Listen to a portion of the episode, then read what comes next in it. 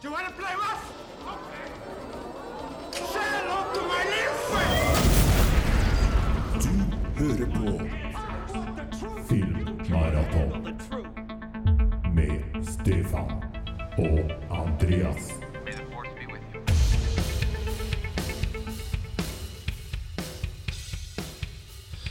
Da har det blitt eh, februar, da, Stefan. Eh, vi er live inne fra Tempe i Trond... Nei, det blir ikke rett å si det heller. Vi er ikke live.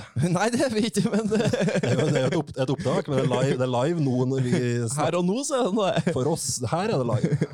Men for ingen andre som hører det, er det live. Det der var bare tull, det.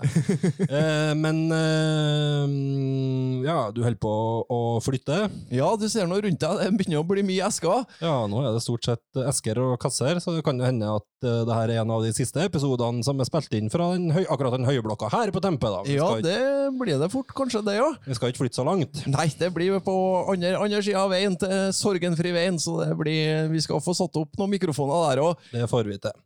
Eh, men eh, sist vi var inne herifra, så sendte vi jo en mail til Hifi Life. Ja, det gjorde vi. Eh, der du spurte om å få kjøpe kassettspiller, og det har vi jo fått svar på. Ja, det svaret kom jo eh, veldig fort av det. Det var, var ikke mange minutter av det. Nei. Så hadde vi fått et, eh, et meget hjelpsomt svar fra vår venn i Hummelviken. Ja.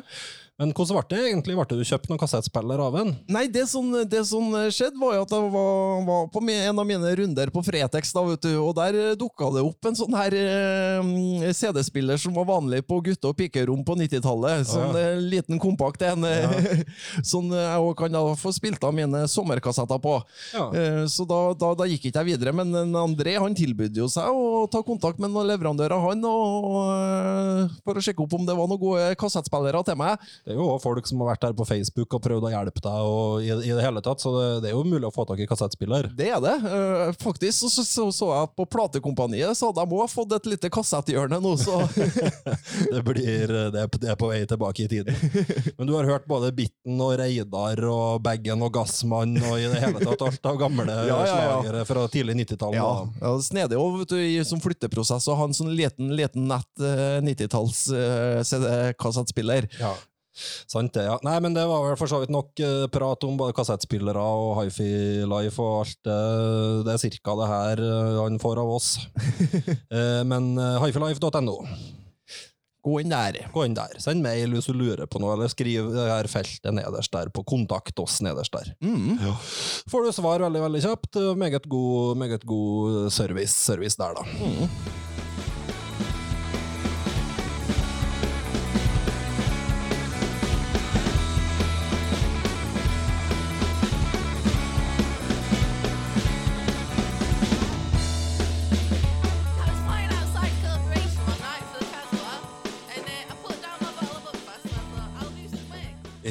da er vi tilbake med filmmaraton. Har du oversikt, eh, Stefan, over hvilken episode vi er på? Er vi på episode 13, tror jeg? Det vet jeg. Jeg lurer på det. Jeg må sjekke ut det. sjekke ut det til neste episode. Men det her er enten 12 eller 13. Ja, det blir 13, blir det ikke? er 13. Ja. Jeg heter Andreas Balstad. Stefan Tollefsen sitter nå her nå. Hei sann. Eh, eh, norsk film.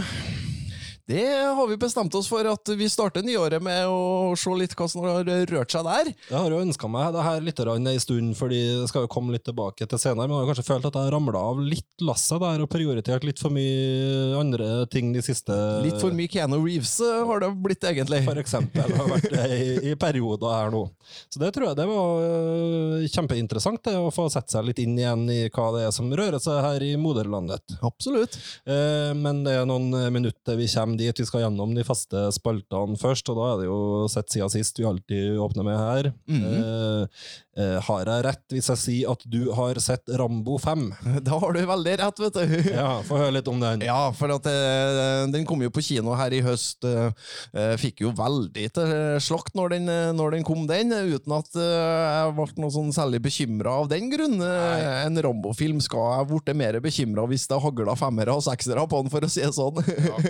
Rocky- Rocky-franchisen den gjør det ofte bedre enn Rambo-franchisen. Det gjør den.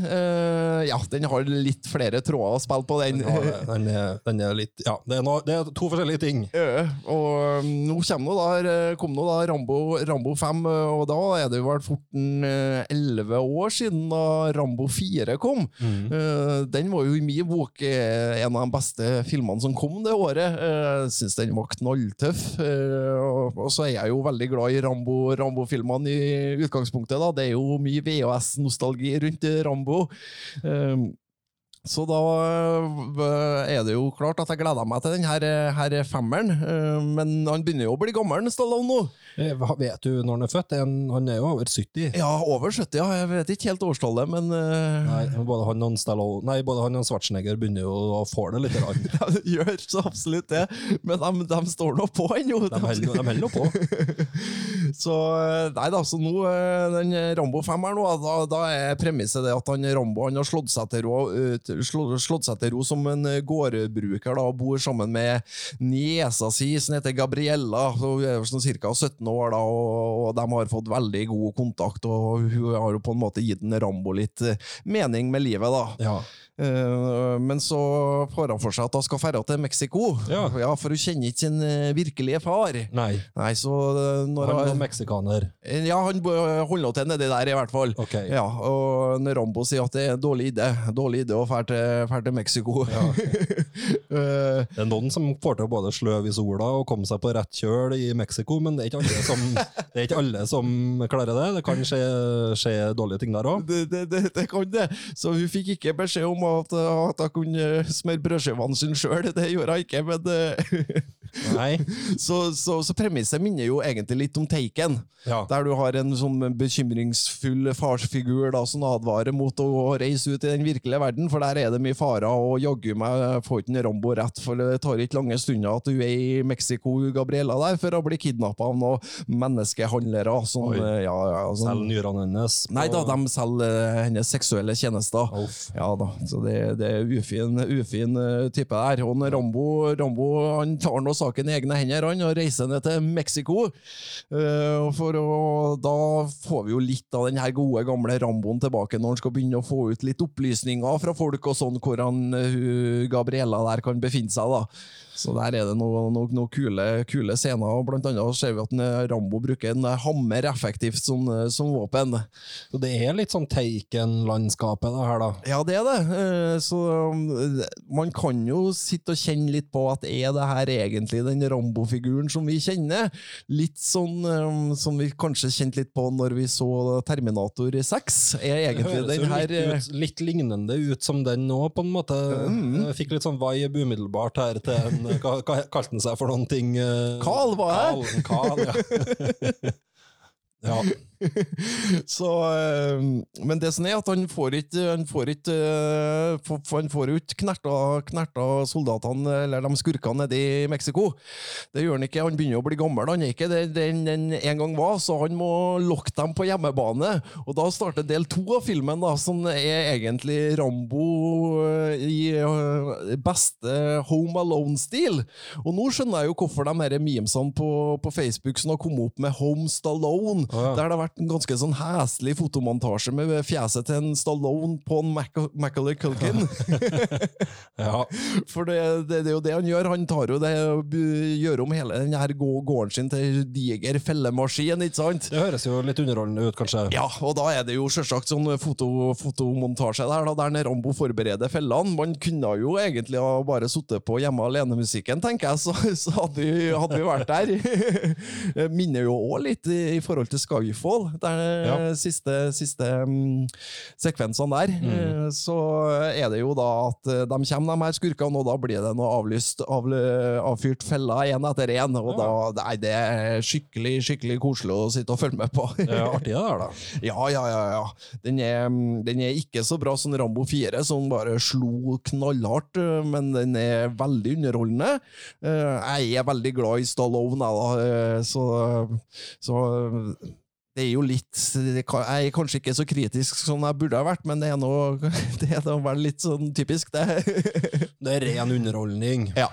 Eh, Ja. Og eh, på terningkast så får den en sterk femmer. Såpass? Ja, ja, ja. Eh, de original, den originale Rambo-filmen den prøvde jo å si noen ting om posttraumatisk stress mm. og, og egentlig Vietnam-veteraner og hvordan de hadde og sånn sett så hører den jo til sam, i en slags sånn gruppe sammen med Hjortejegeren og, og, og Taxi Driver og en del andre filmer som prøvde å problematisere det, da. ja. Men eh, nå er det ikke så veldig mye igjen av den biten, kanskje. Nei, det datt vel bort, eh, fort bort eh, noe budskap fra Rambo 2 og utover, egentlig. Og, ja.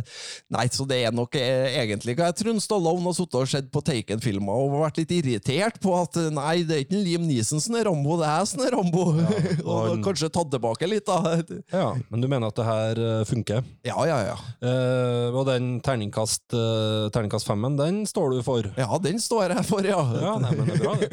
Eh, vi har to solide filmer i dag. Da har vi sett eh, den her uh, Vi har vært litt inne på den før, men det er kanskje det som har vært vinterens store hype, hvis vi kan kalle det det. Den her sørkoreanske Parasitt, eller Parasite. Ja, Uh, så hvis, nå sklir vi jo kanskje litt sånn umerkelig over i Nytt på kino-spalten nå, i og med at den hadde kinopremiere nå på fredagen. Mm.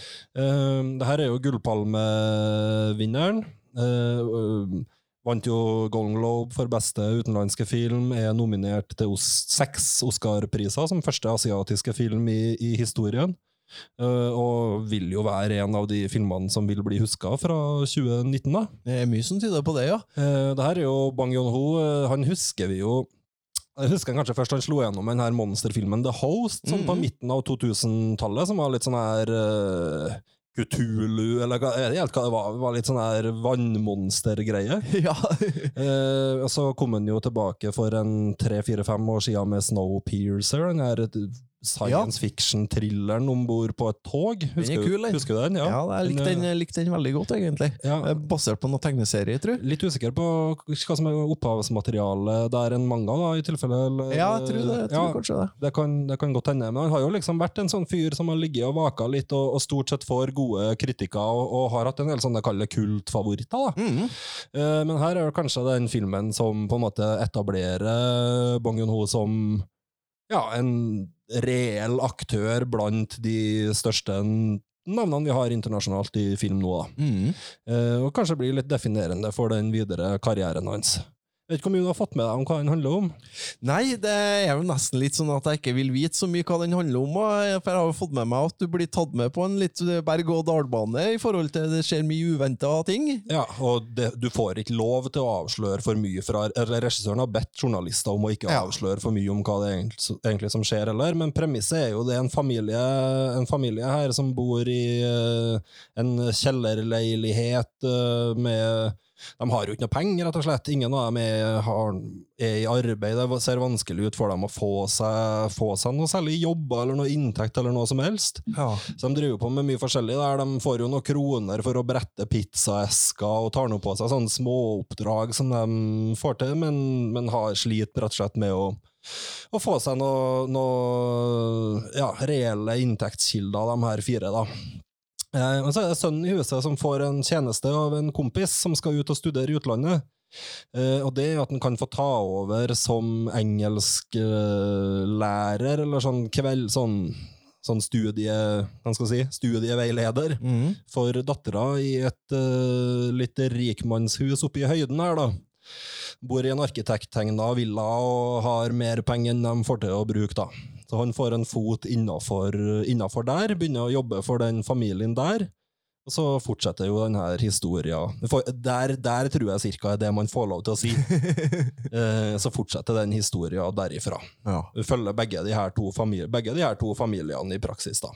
Men den er øh, morsom, skummel øh. Ja, det er jo litt av greia er jo at den beveger seg så sinnssykt lett mellom en del sånne sjanger, sjangeruttrykk. Den er, den er definitivt morsom og er i komedie på mange, på mange måter, men plutselig så kan den bare gå over til å bruke virkemidler fra thriller, thrillersjangeren. da. Mhm. Eh, Og tar en del ganske uventa vendinger. Um, som eh, for så vidt er en morsom filmopplevelse å, å være med på, der det ikke, ting ikke er så veldig forutsigbart, og du ikke helt på en måte der Når du tror du vet hva det er som skjer, så er det egentlig tar det egentlig litt andre vendinger enn det man hadde forventa. Mm. Så den må jeg tror jeg bare må slenge meg på og si at den fortjener faktisk en del av den hypen den har, har fått, og, og er vel for så vidt uh, nailed on for uh, Oscaren for beste utenlandske. og Det blir jo spennende å se om den kanskje kan få med seg enda flere. Ja.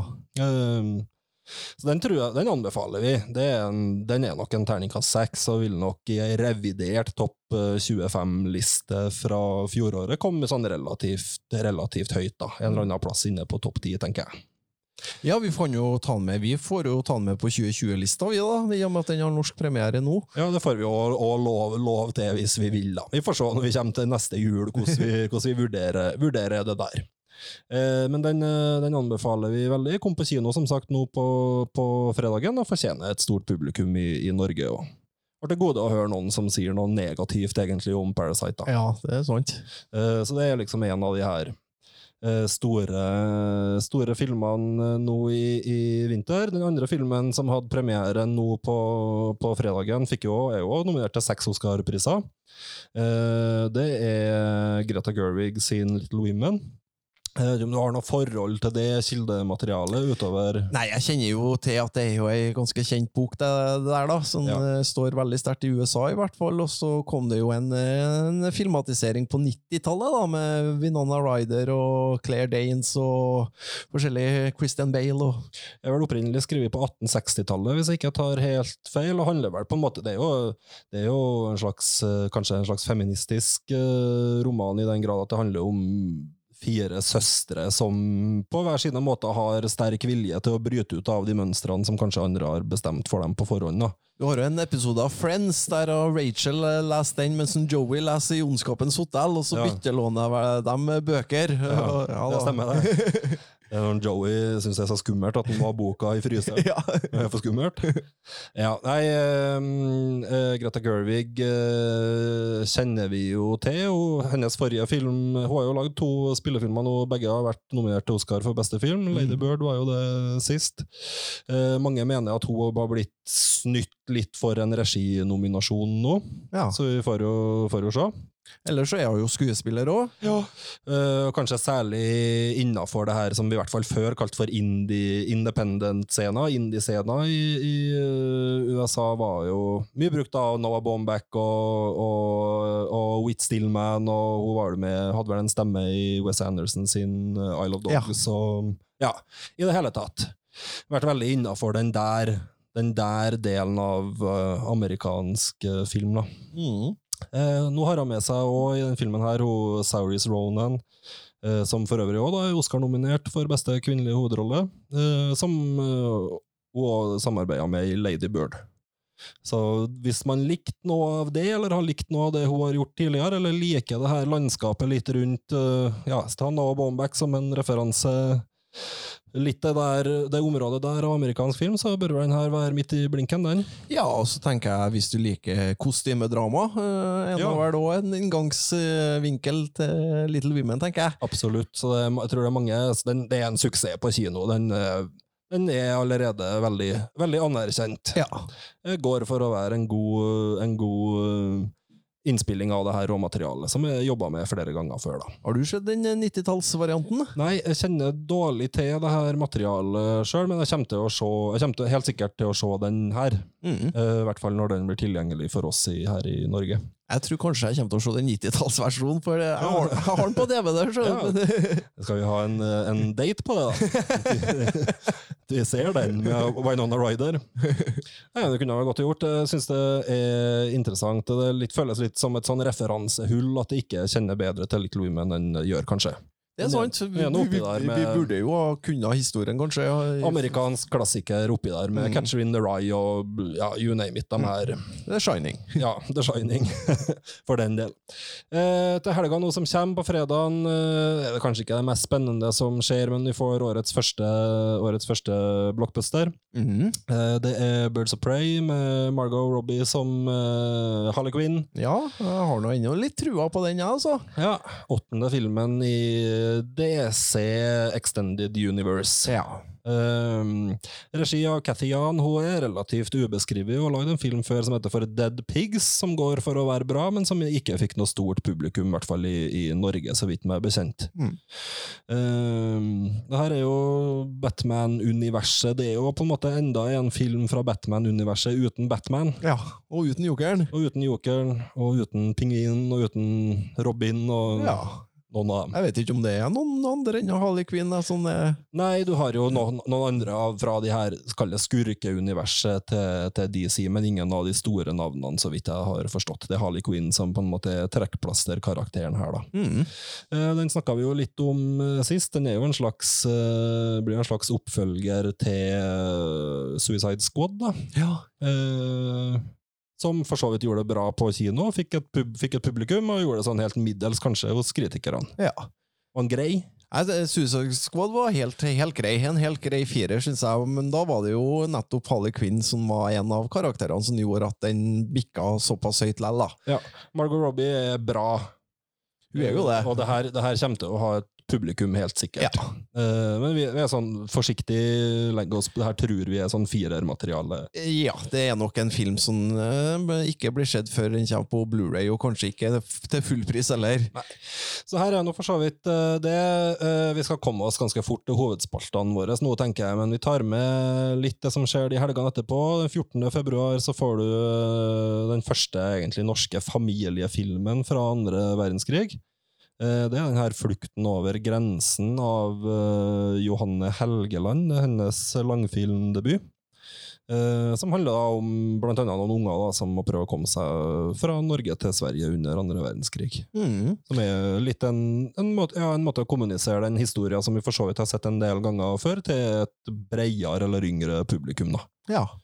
Eh, Maja Lunde, som vi skal komme litt tilbake til senere i disse episodene, har vært med å skrive manuset til den filmen her. Eh, så den eh, regner jeg med at det vil være en del interesse rundt. Det pleier jo å være det når det er andre verdenskrig og sånn. Det... Eh, og norske familiefilmer gjør det som regel og bra på kino, så vi går ut ifra at den får et publikum. Eh, ellers så kommer jo endelig og den 14. da Sonic the Hedgehog-filmen. Jeg har sett de nye trailerne, litt nye bilder fra den nå. Den ser ikke så marerittaktig ut nå lenger som det den eh, første, første gjorde, så vi får nå se. Det lukter vel litt stinkadår av den uansett, kanskje, men vi Du får du skal vel på kino og se den, du, Andreas? Ja, Jeg oppfordrer sånn deg til det. dobbel- Ja, hvis du betaler du billetten hvis jeg drar? ja, det, kan jeg kanskje gjøre. Ja, snakkes att om det, da. Da er det den som er sett siden sist, om ikke så lenge. uh, ja, vi får se. Uh, vi bør jo, bør jo det. Nå har jeg jo for så vidt drevet og lovt lenge at jeg skal se både Cats og, og Gemini Man, men uh, har ikke fått sett noen av dem ennå. Gemini Man den begynner å nærme seg at den kommer nå på, på hjemmemarkedet, i hvert fall. Den skal, vi, den, skal vi få, den skal vi få med oss etter hvert. Den skal vi slakte. Den skal vi slakte. Ja, vi Kanskje. Ja, vi er som anmeldere flest, vi bestemmer oss på forhånd. Ja. uh, 21. kommer Fjols til fjells, den har vi for så vidt snakka om før. Eh, og så kommer også den her, eh, en annen sånn kalle en, en film som har fått mye sånn litt buzz i, i vinter, det er den her søramerikanske ungdomsgeriljafilmen Monos. Mm. eh, som òg går for å være veldig, veldig god, da.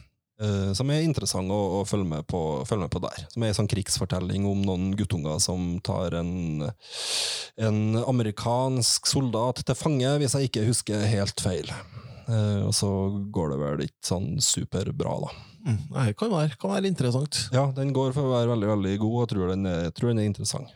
Ehm, så den kommer også da den, i løpet av februar her. Hvis vi rekker å komme med noen episoder rundt den tida, rundt den tida her, så får vi komme nærmere tilbake til de her filmene da. Uh, hva er det noe spesielt av det her du gleder deg til? Sonic? Det må jo bli det. Ja, ja vi får snakke oss gjennom Sonic. Vi må ha Sonic, Sonic i alle spalter på et eller annet tidspunkt her.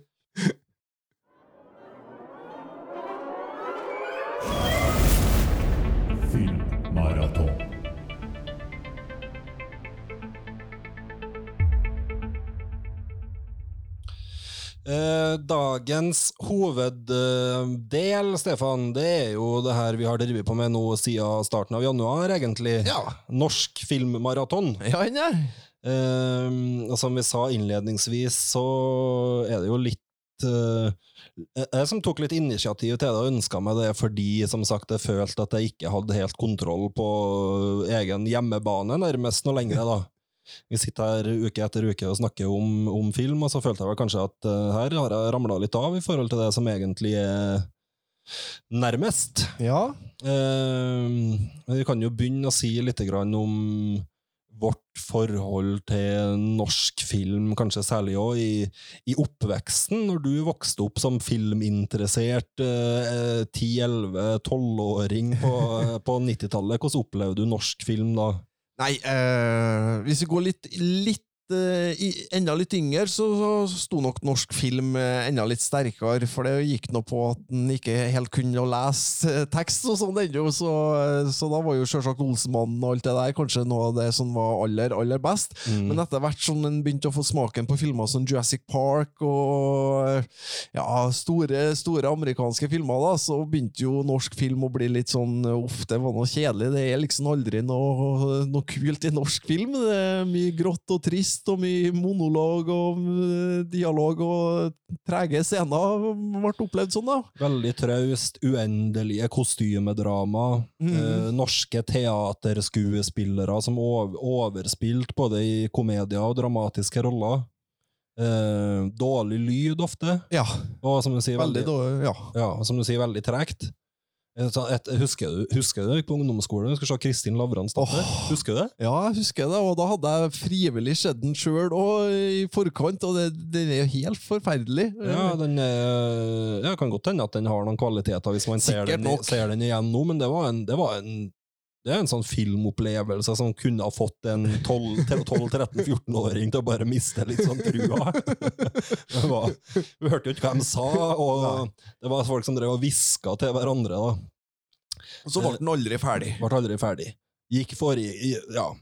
Ehm, så det er kanskje brutalt mot den, men, men, men hvis jeg skal være helt ærlig, så husker jeg det som en av de dårligste filmopplevelsene Ja. jeg har hatt, nær sagt. Ja, det, det joina jeg på den, altså.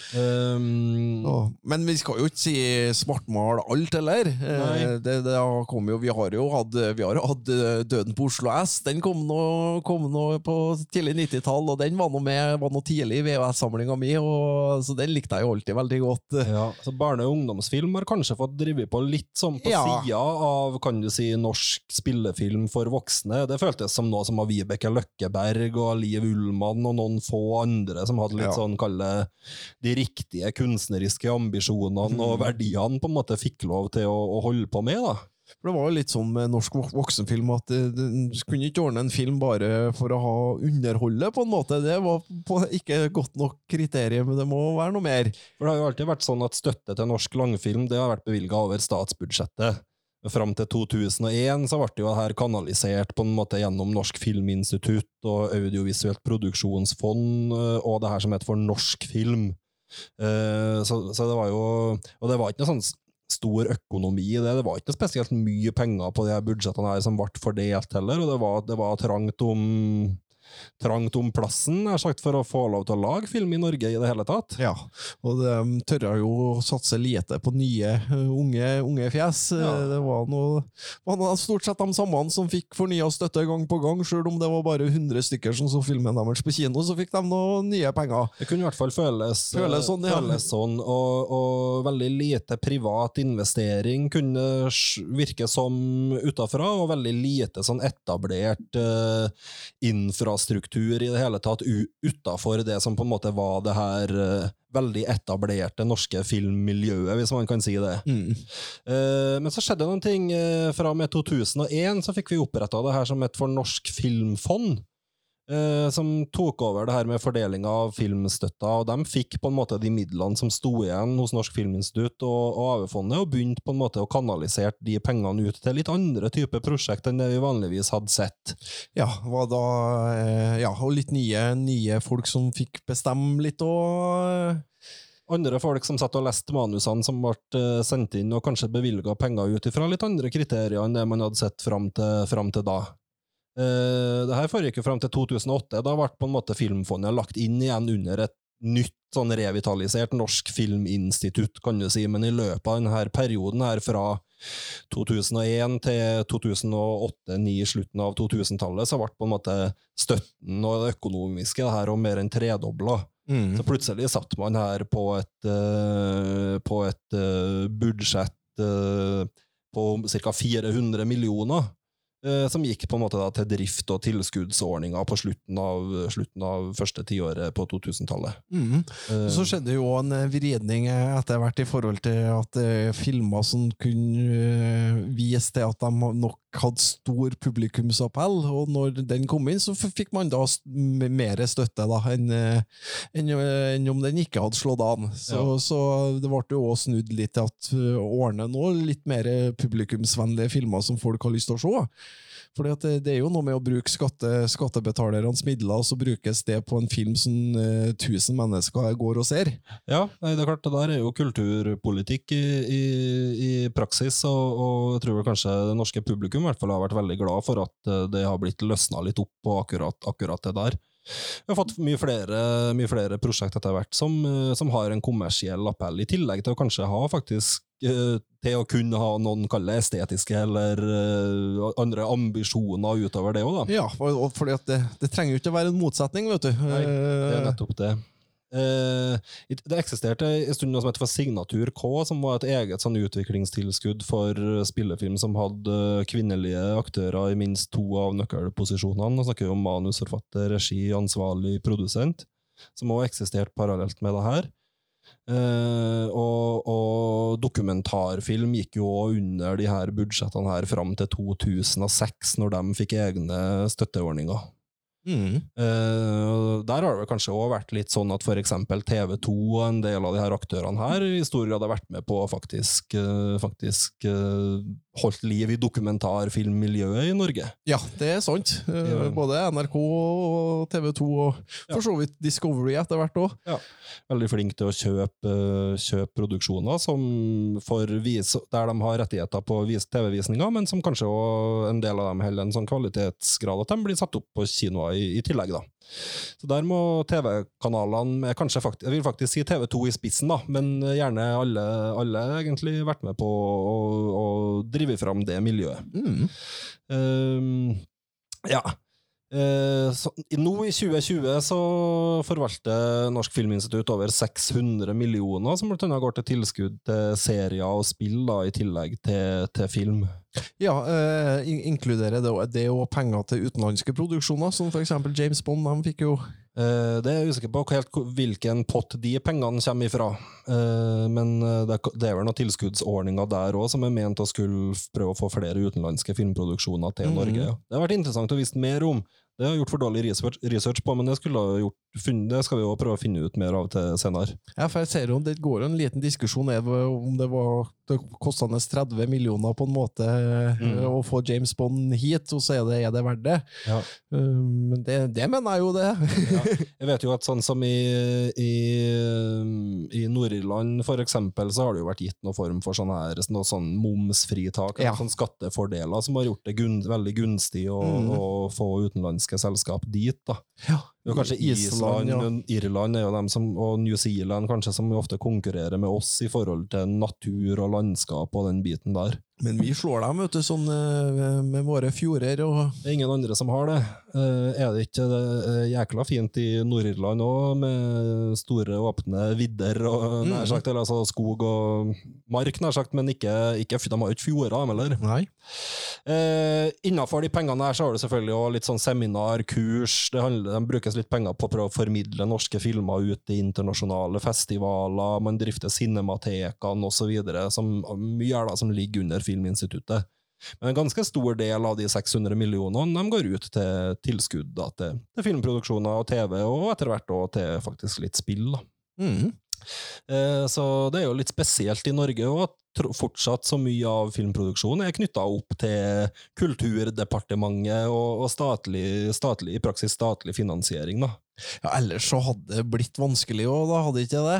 Ja, det er kanskje ikke nok, eh, kanskje ikke nok penger i billettinntekter og for at det private investorer hadde tusja ha gjort noe som helst, da. Nei, det er, man må nok i et såpass lite land som Norge basere seg litt på at staten hjelper til, og så kan man jo Synes jeg jo det er veldig riktig, det, de grepene som har blitt gjort, at man må, må faktisk ordne noe prosjekt som folk vil se. Mm. Og det så vi jo ganske fort, da. Hvis vi går litt tilbake til millenniumsskiftet. Når, da var vi 15-16 år, cirka. Kanskje virkelig begynte å være var veldig filminteressert, da. Mm. Uh, du fikk den her første bølgen, kanskje med litt annerledes type prosjekt som kunne appellere mer til oss og til unge seere, blant annet med Detektor, Mongoland, eh, Buddy, etter hvert de, fil de filmene her. Spa, for så vidt. Ja. Eh, hva, slags, hva tenker du om de her første, den her første bølgen med norske Jo, jeg kommer jo på, kommer på Vi likte jo Detektor veldig godt når den kom, med Harald Eia og greier. Ja. Eh, Spa den eh, var jo fryktelig kul, den. Eh, Den er ikke så lenge siden jeg så igjen, så den har noe Den står ikke seg like bra som Døden på Oslo S gjør. Nei, Erik Poppe. Eh, Men, eh, men den var jo Jeg eh, likte den veldig godt når den kom. Lene Malin med 'Unforgivable Sinner'. Ja, det er jo norsk film, filmhistorie, på en måte, Ja, ja. der òg, fra rundt slutten av 90-tallet. Eh, Men det var filmer som appell, faktisk appellerte til oss som norske 15-16-åringer på en annen måte enn det norsk film hadde gjort før. da. Eh, Veldig, egentlig. ja, det kan man si. Eh, Så fikk du en bølge, bølge etterpå der med relativt store norske kinosuksesser. Kan dra fram Uro, selvfølgelig, men kanskje aller mest Uno og Hawaii Oslo. Ja, og naboer eh, kom vel i samme 37,5. ja. Ja, etter hvert Fritt vilt. Eh, Så det begynte å komme litt filmer som folk i større grad ville se. Da, og da var jo DVD-salget òg ganske stort, så, så på starten av 2000-tallet så ble det jo òg utgitt mye og solgt mye norsk, norsk film på DVD òg. Ja, se for deg, du ser fortsatt, jeg tror mange fortsatt kan se for seg DVD-coverne til både Uno og, Hawaii, Ja. Hawaii Oslo, hvis de lukker øynene litt på, på gløtt der.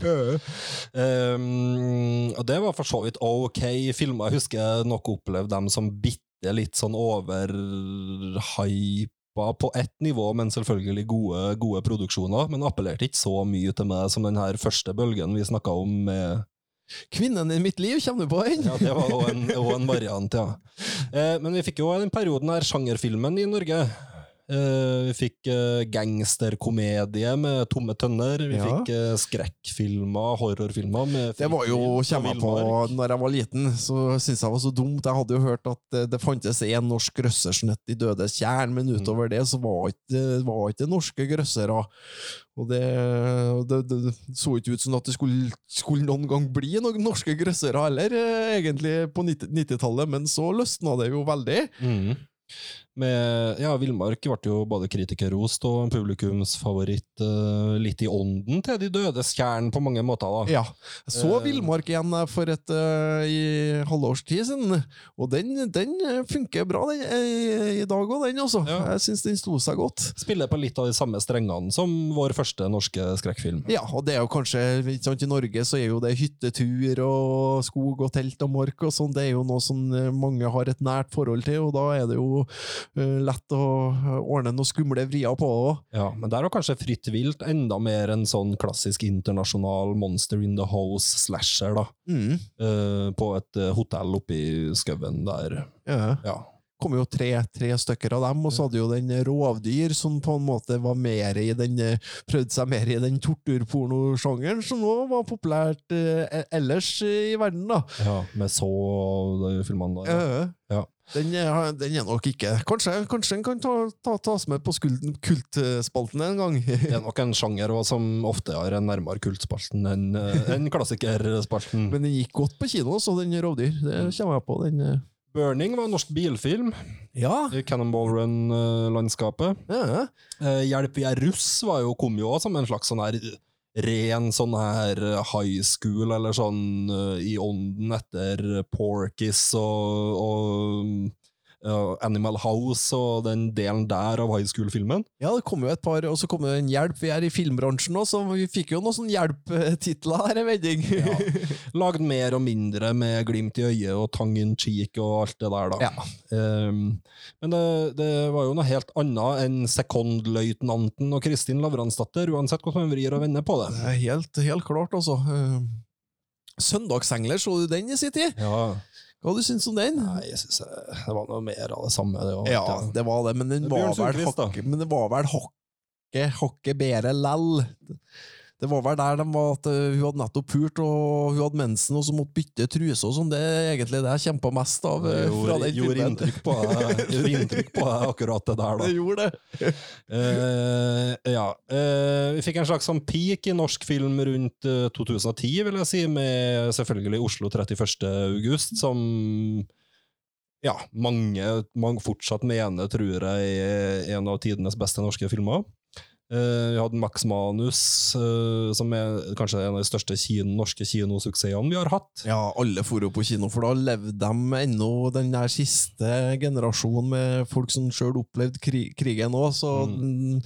de òg var jo på kino. Det var vel Lurer på om det er en av de siste norske filmene som ble gitt ut på VHS, for at eh, den skulle nå og et publikum som ennå bare hadde VHS-spillere i heimen, da. Ja. Kon-Tiki selvfølgelig både Golden Globe og Oscar-nominert. Eh, og Hodejegerne fortsatt en slags internasjonal, eh, moderne kultklassiker. Ja, jeg synes den er samme, og, samme og med Trolljegeren. Begge de to er sånn Ja. slått an ganske bra hos et internasjonalt eh, DVD-Blu-ray-publikum. Ja, og Død snø eh, Ja, også. ikke minst. Alle de tre har hatt litt sånn Hatt suksess utafor Norge, og regna som sånne filmer som, som mange i andre deler av verden òg har sett. da. Mm. Uh, Så det kan jo si var litt en sånn kreativ eh, peak, der mange av dem som lagde de her filmene, også fikk sjansen i Hollywood eller til å lage eh, store prosjekt utenfor Norge. Det kan vi nok komme litt tilbake til når vi oppsummerer til slutt, kanskje. Eh, Men så føler jeg at rundt der, da, så begynner jeg å ramle av litt. Ja. Da har ikke jeg helt kontroll etterpå. De her siste sju, åtte, ti årene etter det, så har, kjenner jeg kanskje at interessen min for norsk film har dalt litt, og har beveget meg gradvis bort ifra det. Ja. Eller sett, sett, min, sett mindre av det. Jeg føler vel at jeg har vært flinkere til å følge med på norsk film, iallfall i forhold til de største titlene. Ja. Eh, Så var jo på kino og så både Bølgen og Skjelvet, og, Ja. eh, dem, eh, og i tillegg til de her animasjonsfilmene som har kommet, har jo jeg likt, likt å følge med på. Ja, nei, Jeg fulgte jo veldig godt med på det her en stund, og på hele debatten og diskursen rundt det, egentlig. Men på et eller annet tidspunkt så sa jeg opp Rushprint-abonnementet mitt, og, og mista kanskje litt touchen, touchen med det. Eh, men vi, vi må jo prøve her over en par episoder, tror jeg, å, å gi et slags bilde av hvor står vi hen i dag, da. Eh, kanskje også finnes det en tydelig identitet for hva som er norsk film, eller er norsk film på en måte noe som er veldig særegent norsk, på noen måte, eller er det noe som prøver å være utvanna versjoner av noe internasjonalt, eller ja. Her er jo de tingene man var redd for når man drev og åpna opp, øh, åpna opp mer på starten av 2000-tallet. At vi skulle miste noe av det som var særpreget, og kanskje ende opp med noe som bare var liksom ja, nesten like bra som det som ble produsert alle andre plasser. Ja, og det er nå litt eh, Kanskje jeg har litt rett i det, da, men eh, Nei, jeg er ikke helt enig heller. Nei, vi får nå ta, ta den debatten nå til slutt, kanskje. Eh, jeg tenkte I den første episoden så skal vi begynne å se litt på de her etablerte folkene, hva de holder på med, de som virkelig slo igjennom på starten av 2000-tallet, og kanskje har vært litt sånn etablert som de store navnene, store reginavnene i norsk, eh, i norsk film de siste 20 årene. Eh, og så tenkte jeg vi skulle se litt på resten av den generasjonen som kom opp da, som også er talentfulle og flinke folk, men kanskje som ikke har helt den her stjernestatusen som en del av dem vi, begynner med har fått. da. Hva du tror du om det? Jo da. Um, så hvis vi, uh, hvis vi begynner med å gå til 2016, så kan vi jo se litt på en film som en Erik Poppe kom med, med da. Eh, han slo jo selvfølgelig gjennom med Spa da i 98, som vi har snakka om, og han var i Oslo i 2004. Så hadde han jo den eh, Faktotum, som da var en eh, internasjonal produksjon. Mm. Nei, det var Bent Hamer, det! Ja, det var en Bent Ja, Hamer. den- Blander dem to litt. Ja, som var en sånn Som var, vel var en En Han Charles eh, eh, Bukowski, ja. Bukowski- Bukowski-filmatisering. Ja, det var ikke en, ikke en Poppe, men en Poppe har nå drevet på siden, sida da, og, og kom jo i 2016 da med den her Kongens nei. Ja. Den har vi sett nå. ja, det har vi.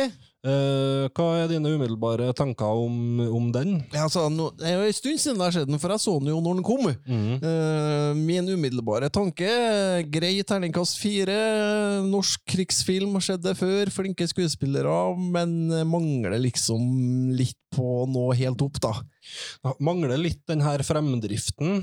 Uh, kanskje klarer ikke helt å Jeg vet ikke, jeg. Nei, den, den ble jo bitte litt kjedelig, men ikke sånn kjempe... Ikke form... Altså, den hadde jo grei nok eh, Spennende handling og interessant nok, altså. Vel, egentlig veldig interessant på mange måter, den her, den fortellinga og de her dagene. Og jeg tenker jo at det her, det her handler jo om eh, utbruddet av andre verdenskrig i, i Norge. Du har jo en Jesper Christensen som spiller kong Haakon, og så har du en Mm. Han spiller veldig bra. Veldig bra. Veldig, veldig bra rolle. Og er jo med, er jo med i flere, to av de her eh, siste James Bond-filmene, faktisk. Ja. Eh, Anders Bosmo spiller unge Olav. Ja, jeg syns han er veldig god. Han fikk vel en del kritikk på at han fremstiller en litt sånn sutrete og ja, litt sånn dårlige egenskaper, men eh, Nei, jeg syns at noen menneskelige trekk, det er noe mer, mer troverdig, det, da. Ja. Enn at man er en sånn supermenneske. Men det her føles kanskje fortsatt litt som at den henger igjen litt i gammel norsk film, på en måte, da. Eh, det her er litt mer sånn typisk noe vi kunne ha sett før 2000 òg, tenker jeg. Ja.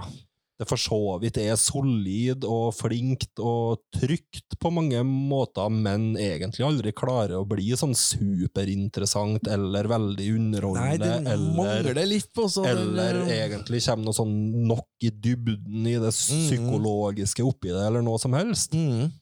Eh, og det føler jeg vel på ett nivå kanskje at går igjen litt for flere av de her kalle norske stjerneregissørene og norske storfilmene, på en måte, og at det Ja. er veldig mye trygg terningkast fire. Ja, det er det, for det er ikke dårlig, vet du. Det, det, det på ingen måte dårlig, men eh, det blir for trygt. Ja, vi kan jo ta med 2017, eh, hvis vi fortsatt er på andre verdenskrig, så kom jo Harald Svart med sin Den tolvte mann, med Thomas Gullestad. Ja. som er en slags sånn direkte ny, På en måte en nyinnspilling av den største norske filmklassikeren av alle for mange, da, som Ni liv.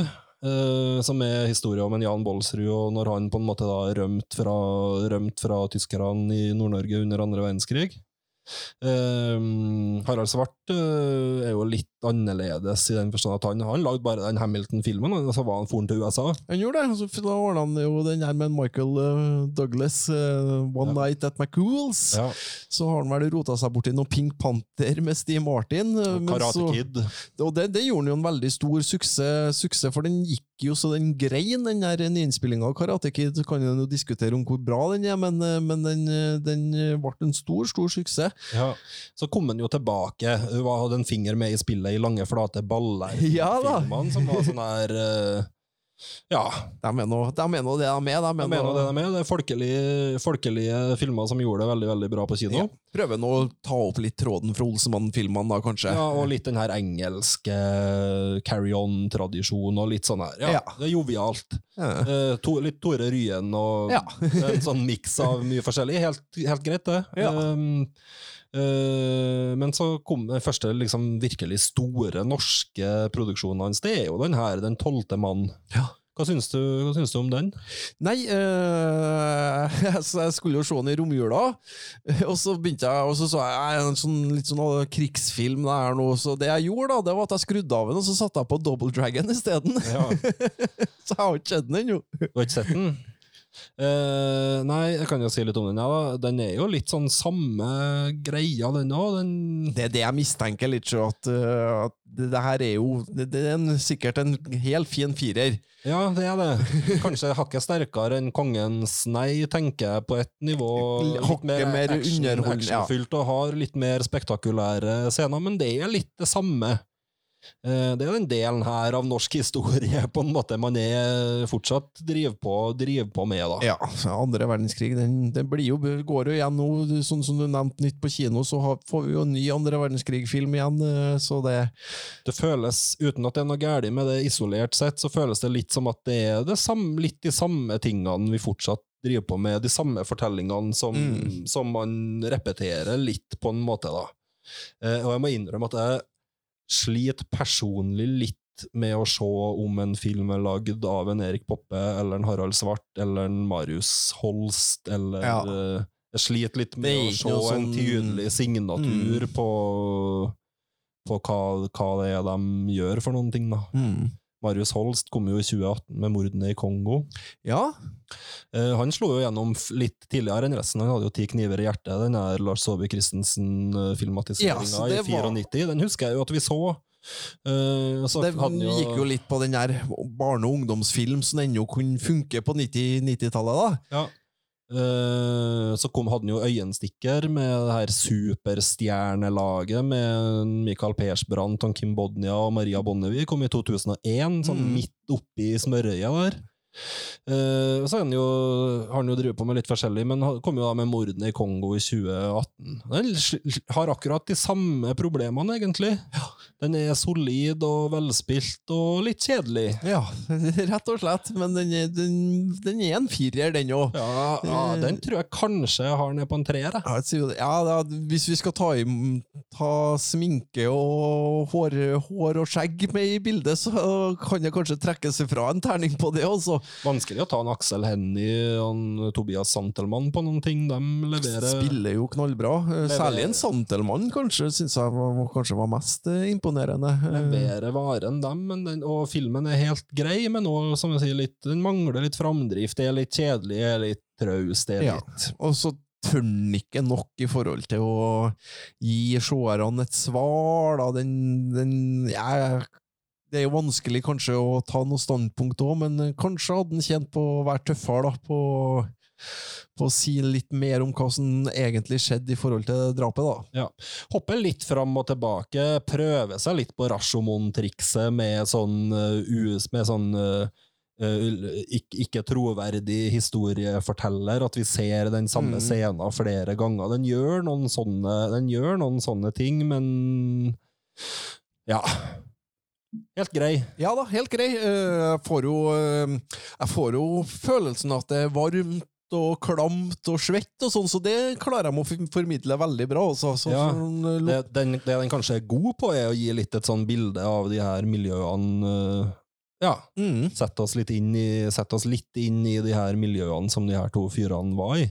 Men det kommer ikke så mye nærmere å skjønne hva som skjedde, eller hvem, hvem de var, egentlig. Og da, så, så jeg, jeg fikk nok mer utbytte av å høre podkastversjonen av eh, Faktisk. Den var, den- den var mye, mer, mye mer interessant Den det. enn det denne filmen var da. Kanskje dessverre. Ja. Men i podkastform podcastform så er det her en mye mer interessant historie faktisk faktisk enn i filmform. Den jeg syns kanskje er den som funker best av de her uh, etablerte, det er Hans Petter Moland sin Ut og stjele hester, som kom i fjor.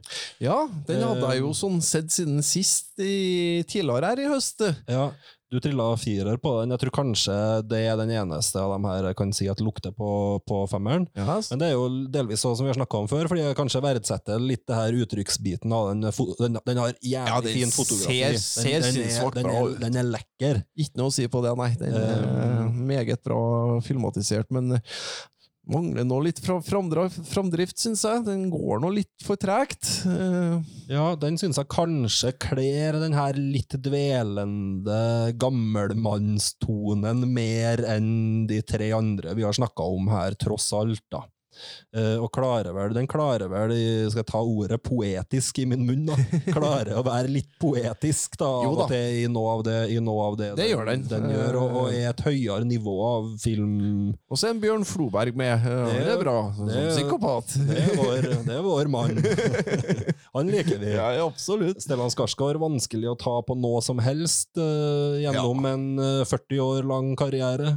Det det. Ganske prikk, prikkfritt. Mm. Eh, men òg de her eh, yngre skuespillerne, Santelmann igjen, og Pål Sverre Hagen her, da, som er, som er, og er, meget, meget god. Ja, det, det kan vi nå si med en gang, at eh, skuespillerne i dagens norsk film, det er bra, syns jeg, altså. Det er noe litt annet enn det var for, det for 20 år siden. Ja, det er en så- generasjon der som ikke nødvendigvis kommer fra Teaterhøgskolen, da, men som kanskje faktisk i noen grad heller har, har, en, har kvaliteter som gjør seg på skjerm, der det er en helt annen type Ja. mimikk, helt annen type ferdigheter som kreves. enn ja, når du skal formidle noen som ser deg i et uh, ultranært uh, utsnitt rett oppe i trynet, på en måte, kontra at du skal stå og formidle noe på ei scene til noen som sitter potensielt 50 meter unna deg. da. Det er to har jo- forskjellige ting som har vært et stort problem i, i norsk film. Ja. Men i forbindelse med her Ut og stjele hester, du, du, du har jo lest boka, i motsetning til det jeg hadde gjort eh, når jeg så filmen. Eh, Hva, hva,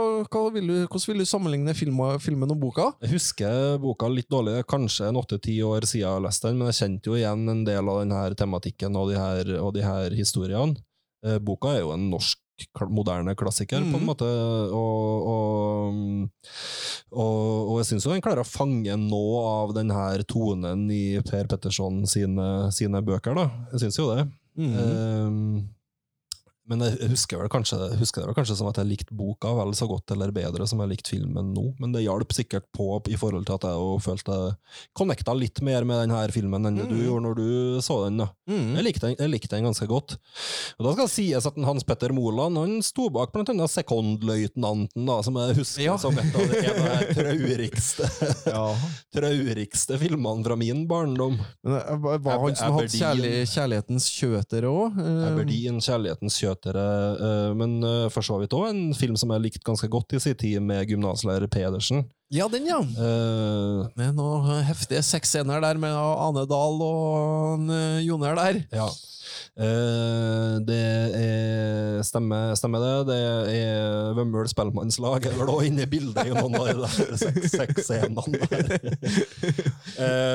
Den anbefales veldig, men hvis man skal se den, den kan du like gjerne se den med kommentatorsporet med en Harald Eia og en Dag Solstad. Oh ja, er det, Det- med på DVD-utgaven, eller? Helt, helt nydelig. Det, det anbefales. Ja, det, ja, det, Dem to. Ja, det hørtes jo faktisk litt interessant ut. Veldig, veldig, veldig, veldig ja, bra. kult. Jeg er glad i en, eh, Dag Solstad, og har i hvert fall i mitt liv vært veldig glad i en Harald Eia. Jeg vet ikke helt hva forholdet mitt er til han nå, men eh, han er jo fortsatt en av mine store helter. Ja, har du sett det nye programmet med en Harald Eia? Nei, er det Ja, det, er, det er jo inf infotainment på sitt beste, og du ser hvor godt han koser seg, en Harald, der han står og snakker om hva som er typisk norsk, og prøver å finne fram til noen norske, norske verdier. Ja. Så det, det anbefales, altså. Ja, nei, i utgangspunktet to, to menn etter mitt hjerte, sånn i utgangspunktet. Ja, ja. Eh, men det, ja, hvis jeg sier at det her er de, kaller de fire, fire av de største navnene vi har, da, Poppe, Svart, Holst, eh, Moland, så vil jeg jo kanskje si at den av dem som eh, per i dag nå gjør noe som er litt mer interessant enn de andre, det vil jeg si at er Hans Petter Moland sin Ut og stjele hester, da. ja. Eh, ja, og Moland han hadde jo den der kraftidioten òg, Mm. som eh, ble nyinnspilt med Liam Neeson. da, under var Cold Pursuit, den heter, heter på engelsk. Og Bruno Gans er jo med i den norske versjonen. En av hans siste filmroller det, før han døde. Mm. Så det, det er jo litt kult. Spiller, spiller bra. Ja, men i fare for å fornærme noen, så er det kanskje litt vanskeligere å se helt forskjellen på noe de tre andre har gjort. Mm. Det føles som norsk film gene, Litt sånn generisk norsk film, da, kanskje, hvis, en, hvis vi kan, kan vi tillate oss å si det, eller er vi Det tillater er vi oss å si. respektløst? Nei, vi tillater oss å si det, og jeg slenger meg ut og stjeler hester oppi der, og for at uh, den, den, den skulle ha vært bedre også, tross alt. Ja, Til at den er Norges Oscar- Oscar-kandidat, og sånn, så er den litt for trygg og god. ja vant Sølvbjørn i Berlin. Og Jo da, men, men eh, ja, Nei, vi tar ikke noe lang debatt på, debatt på det. Jeg tror vi har på en måte uh, identifisert litt grann vi, forskjellene på hvor vi, hvordan vi likte den. Eh, jeg sier ikke heller at den er noe mesterverk, men jeg tror jeg likte den marginalt bedre enn det du gjorde. da. Filmmaraton.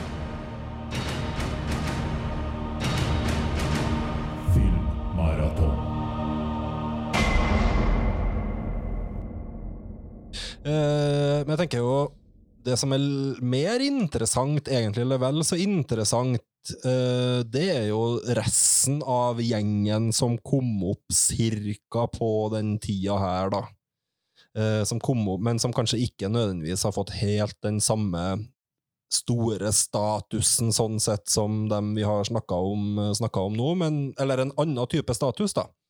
Eh, og da har vi jo en som slo gjennom helt på starten av 2000-tallet, med, med eh, annet Thomas Hylland Eriksen og Origami-jenta, hvis du husker den tittelen. Eh, og etter hvert den her Som du ser meg, og det er Dag Johan Haugerud som eh, i fjor var tilbake da med barn. Ja, Uh, den har du kanskje fått sett? den har jeg fått sett. Det var en film som hadde gått meg helt hus forbi, så når du nevnte den, så, så nei, den, den kan ikke jeg komme på at jeg har fått med meg, men uh, jeg syns jo premisset hørtes veldig interessant ut, så da jeg var jo på platekompaniet med en gang, og fikk tak i den. Heldigvis så var den på januarsalg, så uh, den ble ikke så dyr. Nei.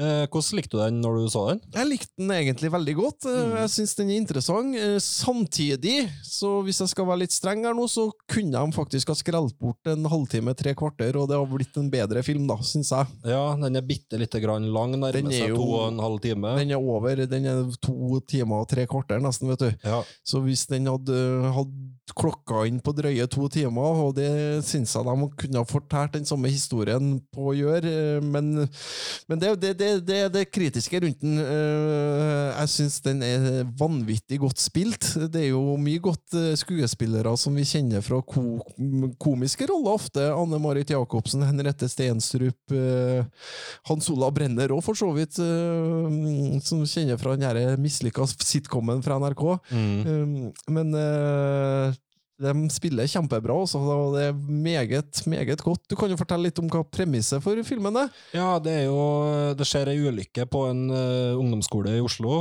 uh, der uh, ei jente og en gutt, som i utgangspunktet da er gode venner, men, uh, men òg sønn av henholdsvis en Fremskrittspartipolitiker og datter av en profilert Arbeiderpartipolitiker, eh, der de i et, under et litt uklart hendelsesforløp ender opp faktisk med at han gutten detter og slår seg sånn at han faktisk dør Ja, eh, som er et veldig alvorlig utgangspunkt. det det. Eh, men som eh, da danner det her premisset for de videre konfliktene i filmen, både mellom jenta og hennes eh, foreldre. Det blir jo, um, det, er jo, det er jo et skuespillernavn som går igjen mye godt i norsk film anno 2020. ja. Og det er jo Andrea Brein Hovik! Hun er jo Ja. ruller han meg med i alt for tida! hun. Ja, er hun dukker opp her òg, da. Men i en litt mindre rolle hun har noen av de andre tingene hun har For vært du spiller vel spiller, ja, spiller jo mora da, til, til hun jenta, og Hans Ola Brenner da, er da faren. Ja. Eh, og så har du òg det som skjer rundt eh, det her kolleg kollegiet på skolen, der Hen Henriette Stenstrup er, er rektor.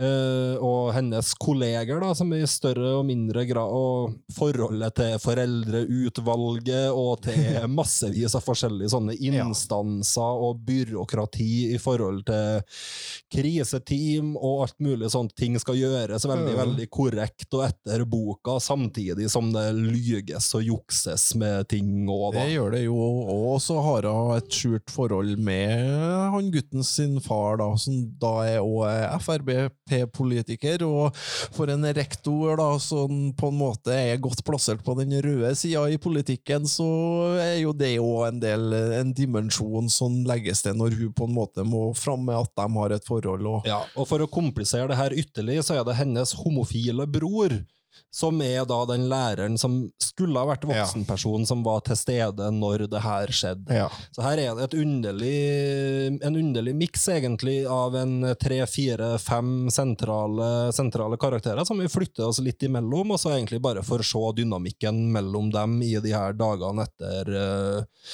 Dagene og ukene etter den her uh, ulykka. Mm. Uh, og den er jo en, på, på veldig mange måter en, et tidsbilde slash en satire på norsk middelklasse anno 2019. Det er jo ikke noe annet å si om det. Uh, og det tar den jo egentlig i noen grad veldig på, på kornet, da, både i forhold til kan du si, de her uh, uh, liberale som på det verste de kan forestille seg, er at en av dem skal bli kjæreste med en Frp-politiker, ikke sant? Men samtidig også selvfølgelig den her Frp-politikeren og hans eh, meninger og holdninger i forhold til, i forhold til straff og, og en, del, en del sånne, sånne type ting. Da. Men den, den, tar, den tar egentlig hele det her miljøet veldig på, på kornet Ja, ja. på mange Og ting. også i forhold til det her flinke elever som utmerker seg, og, Mm. og sånne ting. For han var visst veldig skoleflink, han der Jamie, da, han gutten. eh, Så det, Ja. så det er mye, veldig mye interessante ting som eh, blir pirka borti også, er det? Der eh, ja, han her læreren da holder minnetale for han der han snakker om alle de gode kvalitetene han her avdøde gutten hadde, sånn medmenneskelig, eh, og, og faren rett og slett blir veldig skuffa over at det snakkes lite om hvor flink han var. Ja. Eh, som også er, det, det tar et eller annet veldig sånn på pulsen. Mm.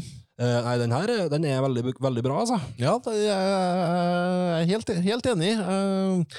Som jeg sa innledningsvis, så er den litt for lang, og det, det står jeg nok for. Men, eh, men samtidig så er det en klar anbefaling å, å, å, å fortsette, altså. Ja. Eh, noen vil kanskje like at den er litt dvelende og tar seg litt bedre tid enn mange andre filmer til å ta Så med en del sånne scener som kunne vært eh, throwaway-scener i et tightere eh, Det er mye scener der, der han eh, homofile broren ligger, ligger mye og hører på sang. eh, Sånn, sånn, ikke ja, nå er det ti minutter, begynner å vare den scenen her. Ja, så det er nok noe som er litt mer sånn et forsøk på noe i arven etter Robert Altman og noen av de her realist, de folkene som har gått mer for den her realismen i forhold til å prøve å være mer sånn ja, la ting bare skje foran kamera i noen grad som det ville ha skjedd i, i det virkelige liv, kontra det som du sier, å, å prioritere et, en strammere framdrift og et, et strammere ytre plott, Mm. plott som driver ting, ting mer framover. Så, så, sånn sett kan du diskutere om det er en styrke eller en svakhet, eller hva, eller hva det er, men jeg er helt med på at uh, den hadde tålt å vært litt den hadde nok tålt å vært litt kortere. Jeg tenker to timer hadde vært lang nok, da. Mm, ja, kanskje.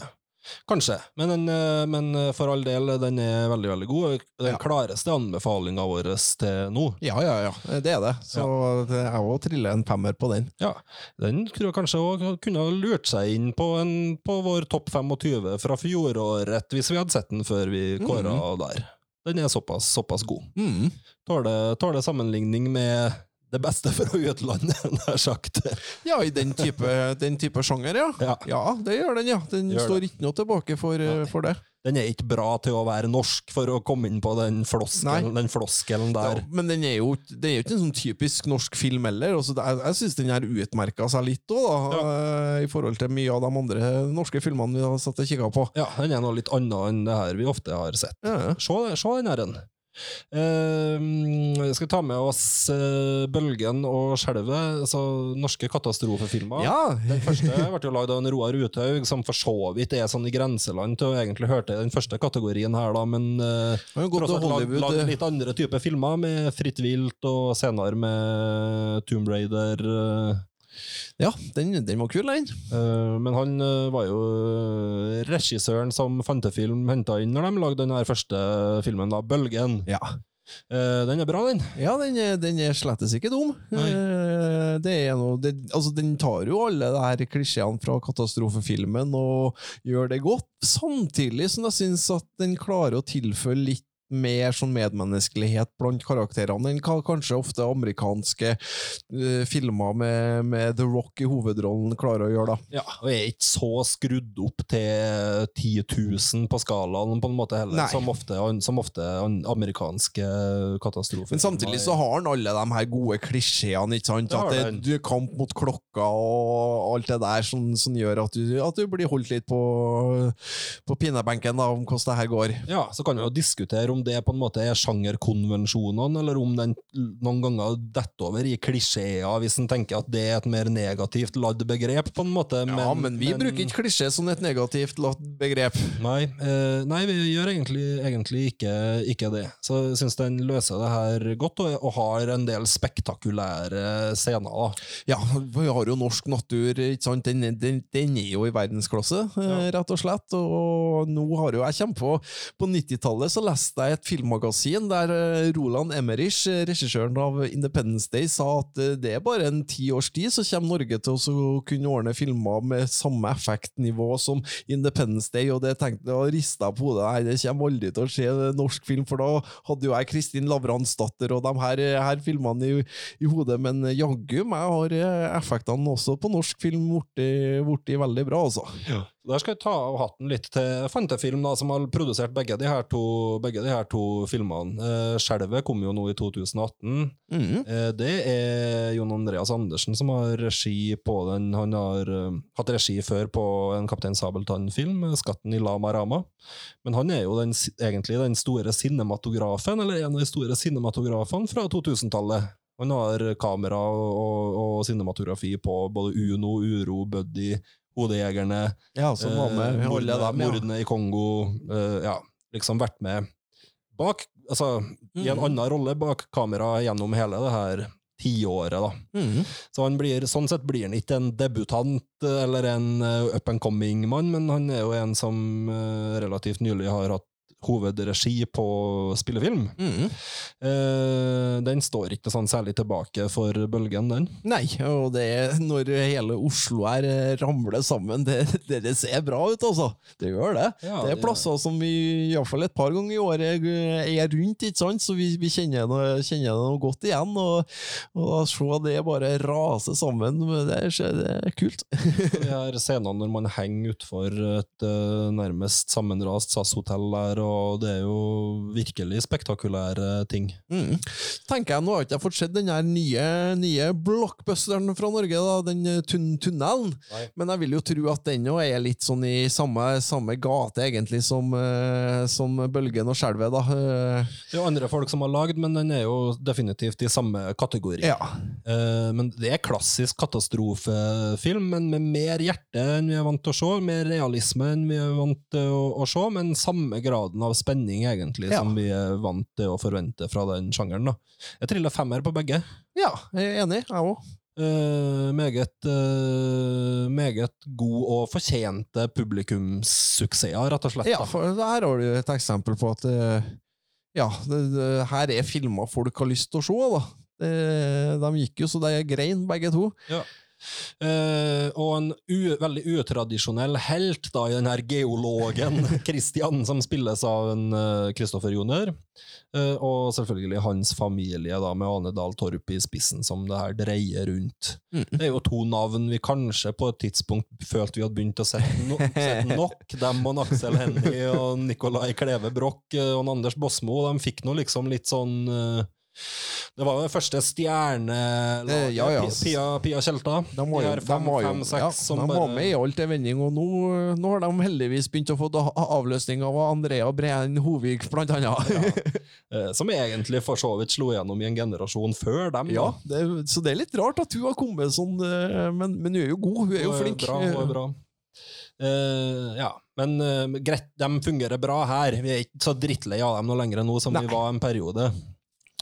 Eh, Ellers så tenker jeg vi tar med oss en film fra 2018 her. Det er Anne Sewitsky som uh, lagde Sykt lykkelig og De nærmeste og litt forskjellig. Har vært et navn nå da, siden starten av 2000-tallet. Midten av 2000-tallet.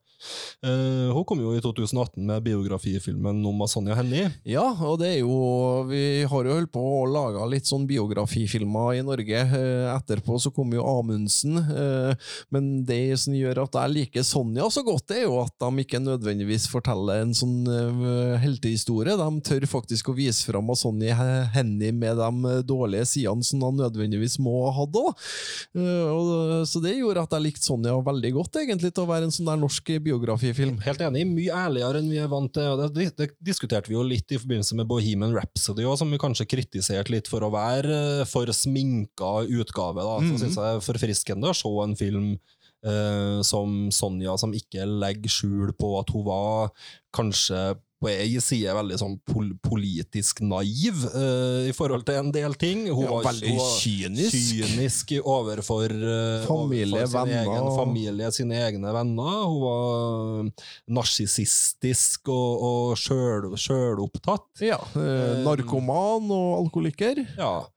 Eh, Men allikevel eh, var og det- det, det, må ikke vi glemme, hun var faktisk verdens største filmstjerne et par år på 40-tallet. der, altså det var, det var hun som var størst. mm.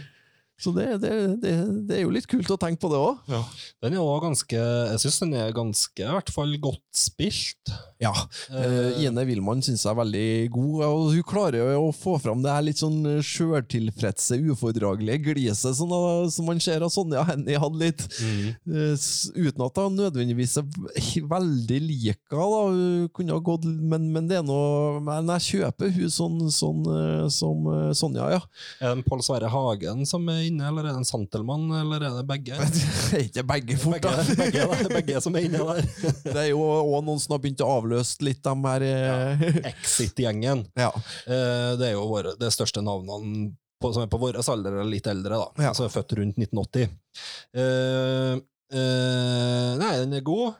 Jeg syns ikke den er fantastisk. Er sånn, Den er solid terningkast fire opp mot terningkast fem. Du er Ja, kanskje på femmeren? jeg, jeg, er på, jeg er på femmeren på den, faktisk. For jeg synes at altså, Det er jo en interessant historie også, det der om den norske skøyteløperen som faktisk tok Hollywood med storm. da, Og, og har jo sjøl vært i Hollywood og utafor Chinese Theater, og en av de signaturene du først legger merke til der, er jo faktisk Sonja Hennie, som Mm. er en av få av de store stjernene som har fått tatt sine avtrykk der. da. Ja.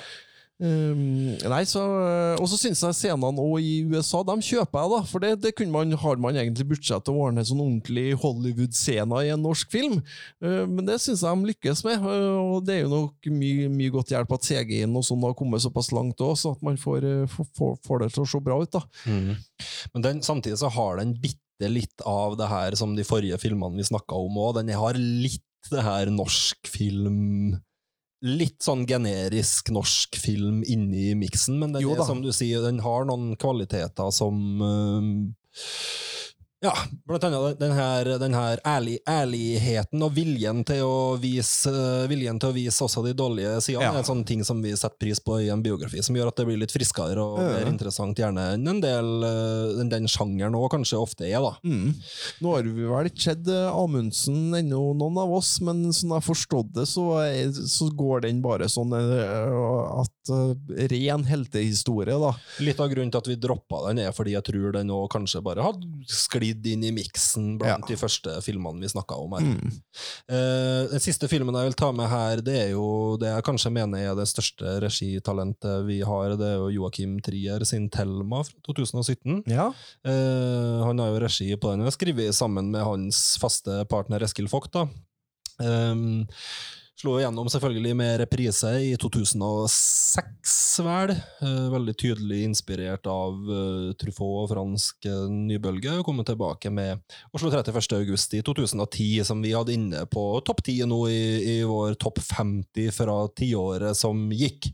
Eh, som er og, og, og ja, min norske To av mine norske favorittfilmer, rett og slett. Um, Eskil Vogt eh, har jo hatt regi på denne filmen Blind, som var god. Eh, og de lagde jo Joakim Joachim Trier har jo lagd en amerikansk film eh, i 2014 eller 2015, vel, som heter for Louder Than Bombs. Um, Thelma er jo en slags Kall det versjon av Carrie-historia. Eh, med hun her jenta som eh, vokser opp i et litt undertrykt, eh, undertrykt hjem. Det er nok òg noen sånne pubertetsallegorier i bildet, inn i bildet her, som er selvfølgelig klassisk eh, film- og bokmateriale, som du var litt inne på i forbindelse med Søndagsengler og you name it. da. Eh, med den her overgangen fra barn til, til voksen, men i, i Thelma selvfølgelig òg det her med at man oppdager at man kanskje har noe sånn overnaturlige eller sånn paranormale krefter, eller hva man skal, slags begrep man skal bruke der. da. Som minner litt om denne historien vi blant annet har sett i, i Brian De Palma sin Carrie.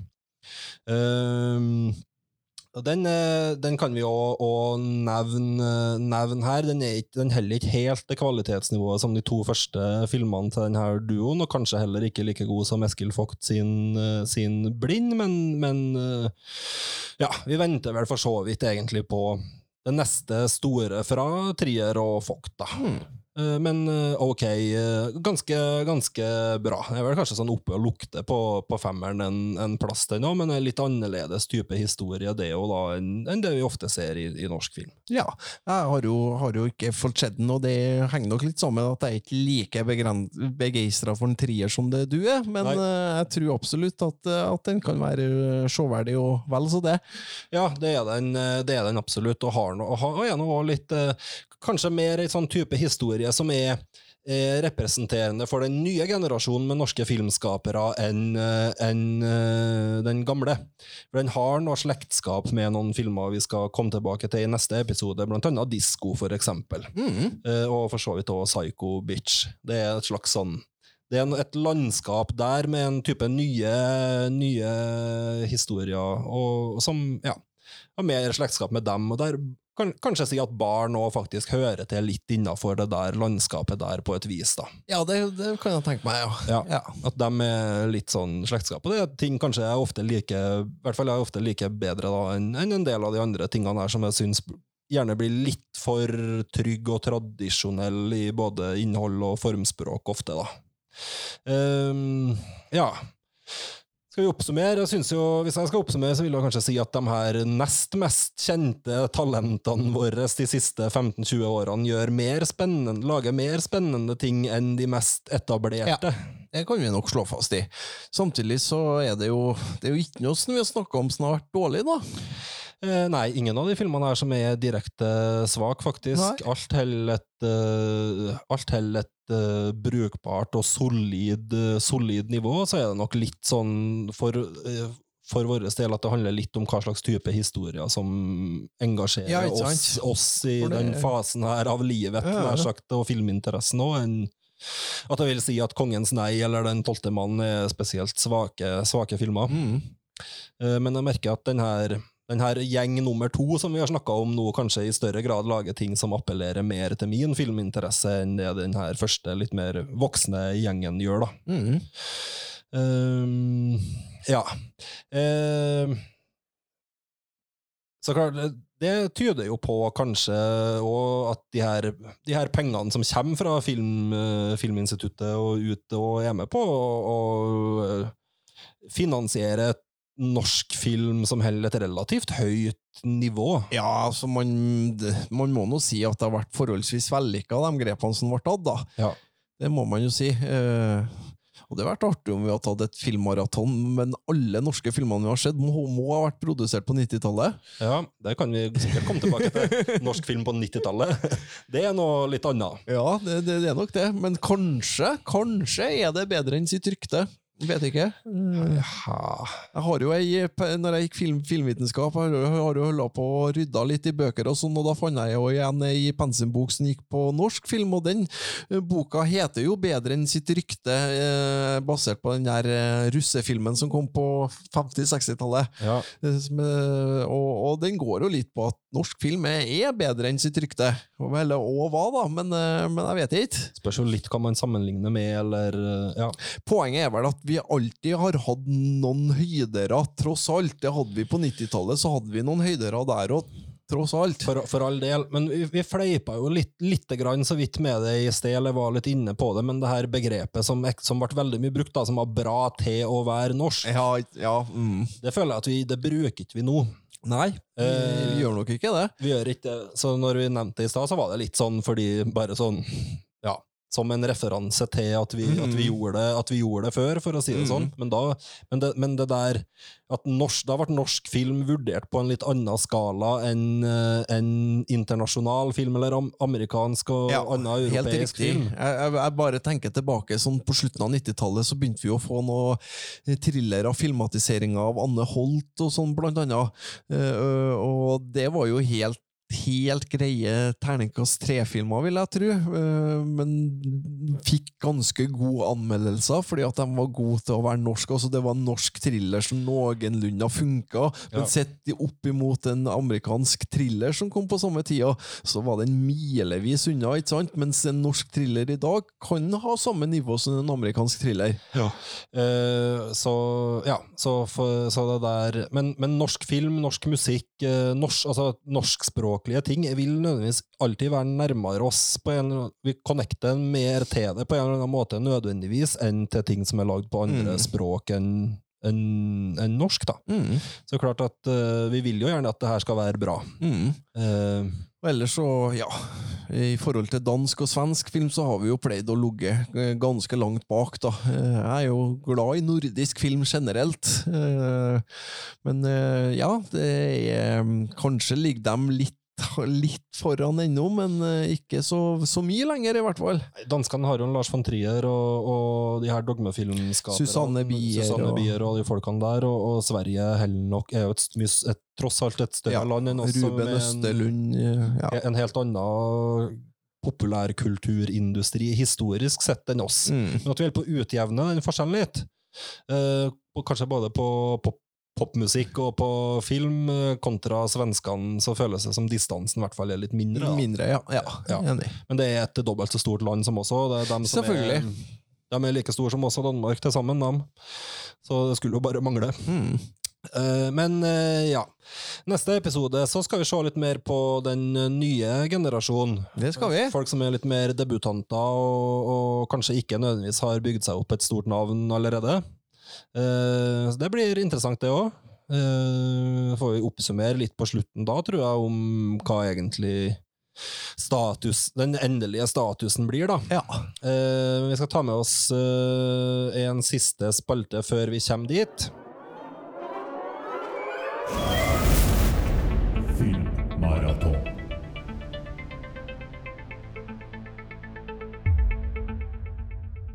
Eh, og den siste spalten er jo som alltid da, Stefan Tollefsen, ja. eh, det er ukas kultfilm. Det er det, vet du. Og i år, denne uka så skal vi ha en komedie. Og ja, kan vel òg kalles, kan kalles en independent klassiker like mye som en kultfilm, men det er nå en, en, en film som ofte går igjen hvis man ser sånn topp topp 50 kultfilmer gjennom tidene. Og da skal vi til 1994, og vi skal til en regissør som heter Kevin Smith. Og da skal vi til filmen Clerks. Ja, i sin tid lagd for det en Kevin Smith fikk igjen for tegneseriesamlinga si. Ja, 50 000 dollar eller noe. Ja, det var en ganske bra tegneseriesamling, da. Eh, Men, eh, men, men uansett, han pantsatte den og skrapa sammen eh, de kronene han fikk tak i, og, og fikk rett og slett nok penger da, til å lage sin egen film. Ja. Og den filmen ser jeg faktisk med jevne mellomrom ennå. Eh, Og jeg flirer egentlig like godt ennå. Det er Ja, bare for å ta konseptet, da, så er det nå Vi følger nå han der kassaoperatøren Dante, som, som egentlig ikke skal være på jobb en gang eh, den dagen, men får noe telefon at han har nødt til å åpne den her quickstoppen, da. Og det gjør han nå. Og så har han eh, kompisen sin Randall, som øh, jobber i nabobutikken, da, som da er en VHS-utleie, så det gjør noe ekstra stas å se han. Og, ja, og ellers så er nå filmen kjent for det, alt det her nerdesnakkinga dem imellom. Uh, vi har nå alt mulig slags ymse karakterer da, som er innom den her butikken. Uh, for å Ja, det er mye, mye, mye gode dialoger og morsomme, morsomme sparringer mellom karakterene. Ja, eh, de her eh, hovedkarakterene er vel da delvis basert på Kevin Smith sjøl og han eh, eh, kompisen hans, han Brian, Brian Johnson, som vi faktisk har sett i, i levende livet etterpå i denne TV-serien om comic book men, eh, som var den her reality-serien om kompisene til en Kevin Smith i, i New Jersey. Ja. Eh, og ja, der de er med flere, da, han her Walt Flanagan og flere av de her folkene som er kjent fra universet rundt, den, eh, rundt den, eh, Kevin Smith. Mm. Og Kanskje i utgangspunktet, ja, som i hvert fall nå kalles for Smodcast-universet, der han har alle de her kompisene sine. Du kan høre dem òg i den her uh, podkasten Tell them Steve Bob. Er, Ja. de jo, er de jo med i de her guttene her. Filmen er jo i svart-hvitt, eh, antagelig av budsjettmessige grunner. Eh, Tja, ja. Jeg tror ikke det er noe i og, med at, film. Ja, I og med at alle andre filmene er i fargene. øh, Så ja, to av, to av de kuleste karakterene i filmen Det er jo de to, to øh, stonerne som står utafor butikken og henger, da. Som heter for Jay and Silent Bob, spilt av en Jason Muse og en Kevin Smith sjøl. Og de karakterene de går nå igjen. De lever nå den dag i dag, dem. Og det kom jo da, etter at den her Clerks ble en stor, stor suksess, så kom jo, var vel Mallrats som, eh, som var, ble neste prosjektet til Kevin Smith, og da kom jo Universal da, og la inn, la inn ganske mye mer penger enn hva, hva det Clerks-filmen hadde. Eh, og da, siden da har det jo egentlig bare balla på seg i forhold til det der eh, View, Ask View-universet som, som omtales. Og det er jo nå tilbake igjen nå. eh, For det tror jeg nok skyldes at den eh, karrieren til Kevin Smith, når han på en måte går ut av det der universet, det har jo ikke funka i det hele tatt. Det har jo vært flopp etter flopp. Eh, Vi har jo Cop Out med Bruce Willis, blant annet. Sånn en, ja, skikkelig møkkafilm, det er det jo. Husk. Ja. Den skal vel ikke være så ille? Eh, Eh, og du har òg den her Yoga Hosers. ja, En film jeg liker godt sjøl, det er jo den som heter Red State, som handler om en sånn kultleder. Men ingen av de her filmene tjente noe tjent særlig med penger. da. Og så det er nok det en Kevin Smith har funnet ut, at skal han tjene penger, så, så må han tilbake til, til, til View Askew-universet. Uh, og og En av grunnene til at jeg har med Clerks nå, da, det er jo fordi at eh, i neste episode så er det Jay and Silent Bob eh, reboot som kommer til å være sett siden sist. Ja. Så da får vi nå høre da hva vi, hva vi mener om den. Ja. Men, eh, men Clerks, ja, den er, nei, den er en soleklar sekser i min bok. Eh, både kultsekser og vanlig sekser, egentlig.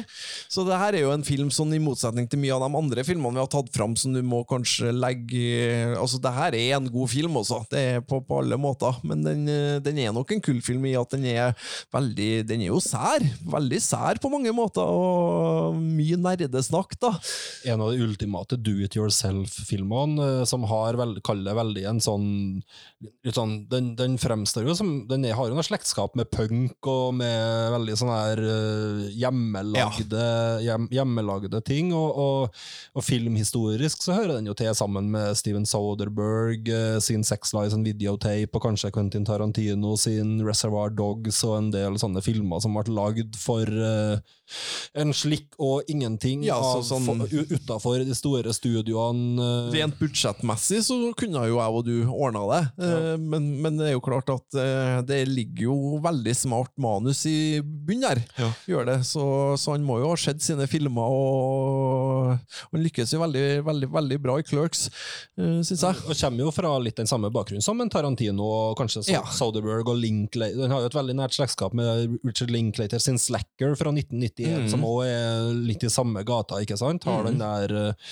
den der eh, veldig billige estetikken som er fylt med, med et veldig godt manus. Mm. Men den har jo ikke noe sånt, den handler jo ikke om noen ting. Nei, det gjør Eh, ikke den, det. har, den har litt på samme måte som Slacker, på en måte. Den har ikke noe egentlig framdrift. Den, den Det er vel noe, er vel noe kjærlighetshistorie med Andente som kanskje er med å drive det litt grann, men ellers så er det jo bare en, en, en vanlig dag på jobben, på en måte. Ja, etablere et, eh, et univers, eh, og så får vi være i det universet i en og en halv time. Mm. Det er kanskje fortsatt det beste en Kevin Smith har, eh, har gjort. Der har vel egentlig kanskje aldri vært nært å gjenta noe som holder den, dens kvaliteten, sjøl om mange av de andre filmene hans så, er veldig underholdende. Ja da, eh, jeg, jeg syns mye av de andre holder hold, Ja, de er jo like artige, i hvert fall, men det er jo klart at en Clerks, når du vet på en måte Den her ble ordna bare med kompiser og med eh, hjelp fra slekt og venner og sånn, og at den funker så bra, da. Det, det er veldig godt gjort, er det. En av de eh, mest minneverdige scenene syns jeg jo, det er jo for så vidt når hun ekskjæresten til han Dante kommer og forteller at du har hatt sex med han på, på bakrommet. Ja, Men, men det var jo ikke en Dante som var der, det var jo et, et lik. En som hadde fått hjerteinfarkt. Oh. Mens han leser pornoblad. Ja, det sier jo litt selvfølgelig, sier jo litt selvfølgelig om tonen på det her. Det er jo relativt sånn eh, Ja, litt sånn blanding av eh, litt, litt barnslig humor, eller litt sånn nerd, nerdehumor Ja. på en måte òg, men den er Ja, nei, den, den funker. Den er, fortjener statusen sin. Er en kultklassiker, som du sier. Ja, fikk en direkte oppfølger i 2006. Ja. Eh, samme, samme, mye av samme folkene som spiller og, og, og er med og, og ordner der. Ja. Selvsagt eh, mye høyere budsjett, men, eh, men eh, prøver jo å holde, holde, holde på en måte tonen som den er i den første. Da. Bare at nå har de blitt sånn fast food clerks ja. isteden, da. Og så kommer det vel en treer nå etter hvert. Ja, De kan jo komme tilbake litt til når vi skal snakke om uh, Jay and Silent Bob-rebooten. Eh, nå har vi egentlig prata litt i overkant lenge, det syns jeg begynner å bli sliten av. da. Det, pleier, det pleier som regel å bli en tre kvarter lenger enn vi planlegger, vet du. Vi har alltid en plan om at det skal, vi skal lage 60 minutter. Ja. Nei, vi har, nei, vi har, nei, i dag tror jeg skjønt inni hjertet mitt at det kom til å bli mer enn 60 minutter på forhånd, så 1,5 er ikke så verst. Men egentlig så er jo målet vårt å holde, ha, ha episoder på mellom tre kvarter og en time. Det, det er egentlig det ideelle podkastlengden, som vi ser det. ja, men vi er en sånn 80-90 minutters podkast, Ja. vi kommer ikke utenom det. Ja. Vi kan jo si hva vi, vi kan jo, ja, Nei, nok om det. Det her er i hvert fall ikke så artig for folk å høre på, da. Uh, det var et minutt ekstra. Uh, men eh, ja. Vi kan, vi kan dra den ut et minutt til. Vi er tilbake om ei uke. Ha det bra. Ha det!